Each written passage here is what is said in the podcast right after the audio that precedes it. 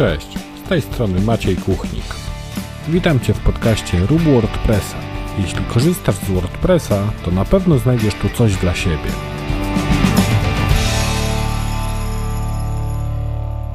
Cześć, 147 odcinek podcastu Rób WordPressa, a w nim temat, który przyniosły w zasadzie ostatnie dni, i moja uwaga została skierowana w taki obszar, o którym mam wrażenie czasem zapominamy. Będzie to krótki odcinek podcastu, ale mam nadzieję, że zwrócę Twoją uwagę na bardzo istotną rzecz, o której mogłeś zapomnieć. A jeśli chodzi o inne takie rzeczy, o których możesz zapomnieć i może się to po prostu zdarzyć, bo pokonacie gdzieś tam rutyna, czy takie wykonywanie mechaniczne czynności po raz któryś tam kolejny, to przygotowałem taką specjalną checklistę 33 kroki do lepszej strony na WordPressie i tą checklistę możesz pobrać zapisując się do mojego newslettera pod adresem maciejkuchnik.pl łamane na newsletter, ewentualnie jeśli wejdziesz na stronę główną maciejkuchnik.pl to znajdziesz tam również link do tego newslettera i do tej checklisty.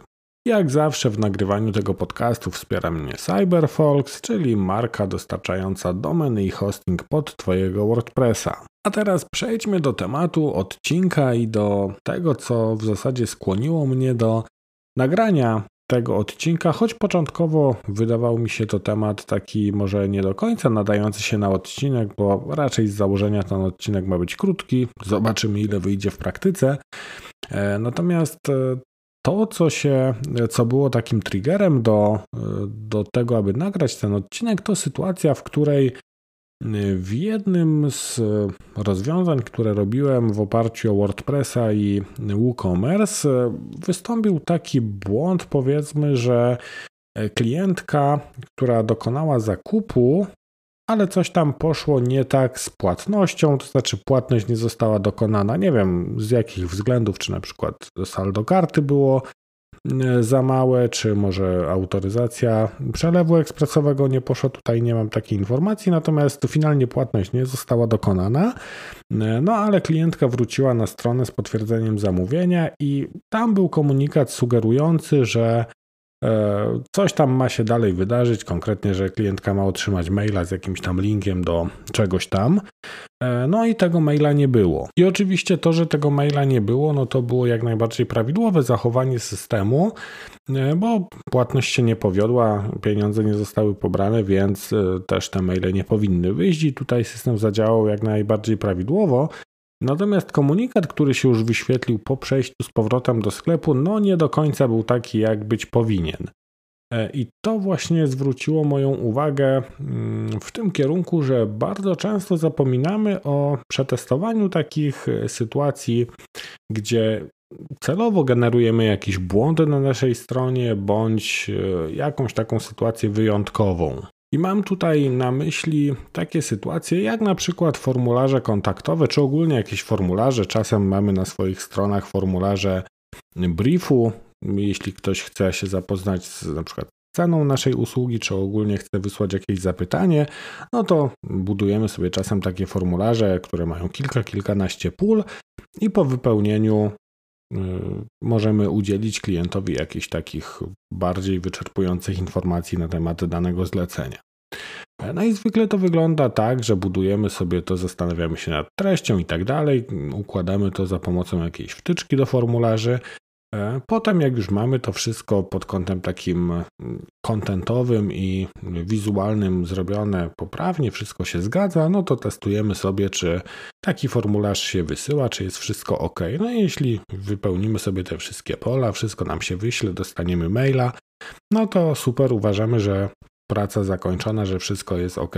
Natomiast warto się tutaj pochylić też nad takimi przypadkami, gdzie na przykład celowo wpiszemy jakąś złą wartość. Przykładowo, jeśli mamy mm, pole budżet i mielibyśmy tam wpisać wartość liczbową e, z zakresu załóżmy, nie wiem, 500 zł wzwyż, no to spróbujmy wpisać tam 400 zł i zobaczmy, co się stanie, albo wpiszmy tam jakąś wartość e, taką słowną.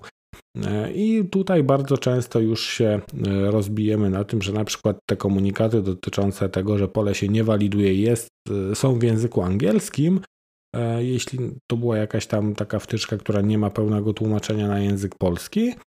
No albo może być tak, że te komunikaty są niezrozumiałe bądź gdzieś tam wprowadzające w błąd naszego klienta. Więc warto sprawdzić tak proste rzeczy jak właśnie złe wartości w polach, albo na przykład jeśli chcemy wysłać formularz i on się w tym momencie dopiero waliduje, e, no to też zwróćmy uwagę na to, czy przykładowo, jeśli mamy tylko komunikat, że proszę wypełnij wszystkie pola, to czy te pola, które wymagają poprawy czy wypełnienia, są w jakiś sposób oznaczone, bo to też jest taka bardzo dobra praktyka, aby po prostu klient widział, które pole jest nie tak i gdzie musi wprowadzić jakąś poprawkę. Podobną sytuację będziemy mieli na przykład przy całym procesie zakupu jakiegoś produktu w sklepie internetowym. I tutaj również możemy mm, przejść te wszystkie kroki i, że tak powiem, na każdym kroku próbować zrobić coś źle, aby zobaczyć, jak dany proces jest obsłużony, bo to też jest takie miejsce, gdzie potencjalnie możemy tracić klientów. Jeśli jakiś mechanizm będzie na przykład niezrozumiały, czy klient nie będzie w stanie zinterpretować poprawnie jakiejś podpowiedzi, na przykład do takiego niezwalidowanego pola, no to możemy go zwyczajnie stracić. E, I to samo zróbmy właśnie z, z przypadkami, gdzie mamy na przykład system płatności, przechodzimy już e, w checkoutie, jak jesteśmy, wypełniamy wszystkie pola, przechodzimy do, do systemu płatności, no i sprawdźmy, co się dzieje w momencie, w którym na przykład taka płatność się nie powiedzie, czy jest tam jakiś komunikat, czy klient może ponowić tą płatność, E, i jak w tym momencie zachowa się nasz system. No bo z reguły testujemy właśnie to, czy można składać te zamówienia, czy płatności się księgują, czy statusy zamówień się zmieniają i tak dalej, a mam wrażenie, że dużo mniej uwagi przywiązujemy właśnie do tych sytuacji, w których właśnie pójdzie coś nie tak. No a dużo lepiej, jeśli to my wychwycimy na etapie już tworzenia i testowania sklepu takie rzeczy, które można by usprawnić, niż e, jeśli to wyjdzie dopiero gdzieś tam na produkcji, jak klient właśnie nie dokona płatności i zostanie w pewien sposób wprowadzony w błąd na przykład. Więc to są takie elementy, na, który, na które powinniśmy zwrócić uwagę. I kolejny taki przykład, no to jest e, przykład choćby z formularzem mailowym, tak? Jeśli mamy jakiś formularz do zapisu na newsletter, przeważnie tam są dwa pola, imię i, e, i adres e-mail no to sprawdźmy, co się wydarzy, jeśli nie podamy na przykład adresu e-mail, bądź podamy błędny adres, albo jeśli na przykład nie podamy e, pola z imieniem. To już oczywiście kwestia indywidualna, jeśli chodzi o testowanie takich e, rzeczy na naszych stronach, no bo wiadomo, każda strona jest skonstruowana w nieco inny sposób, ale mam nadzieję, że te trzy przykłady, które podałem tutaj, czyli formularz kontaktowy, zapis na newsletter, czy proces zakupowy w sklepie i na przykład niepowodzenie płatności, czy jeszcze jakaś tam inna rzecz na, na drodze do, do, do całego wyboru, e, choćby na przykład paczkomatu, do którego zamówienie ma być wysłane, no to mam nadzieję, że te przykłady nakreśliły Ci ogólnie e, taki, taką nową perspektywę, jak powinniśmy spojrzeć też na te rzeczy, które mogą pójść nie tak w naszym sklepie, i abyśmy zadbali o to, żeby ten proces, cokolwiek on realizuje, czy to właśnie sprzedaż, czy zapis do newslettera, czy wysłanie na przykład formularzu z briefem, żeby ten proces był przyjazny dla, dla klienta i żeby minimalizować właśnie straty na, na takim poziomie, że klient po prostu wyjdzie ze strony. Na dzisiaj to wszystko, co chciałem Ci przekazać. Przypominam również o WordUpie w Trójmieście, który odbędzie się 8 października. E, będę na nim ze swoją prezentacją dotyczącą migracji WordPressów pomiędzy serwerami e, i będzie również dziewięciu innych prelegentów, o ile mnie pamięć nie myli. E, to jest sobota, 8 października o godzinie 15 w Gdyni, także jeśli masz blisko albo jeśli chcesz się wybrać do Gdyni w październiku, no to serdecznie zapraszam, bardzo chętnie spotkam się z Tobą na żywo. Dziękuję za wysłuchanie tego odcinka i słyszymy się w kolejnym tygodniu. Cześć!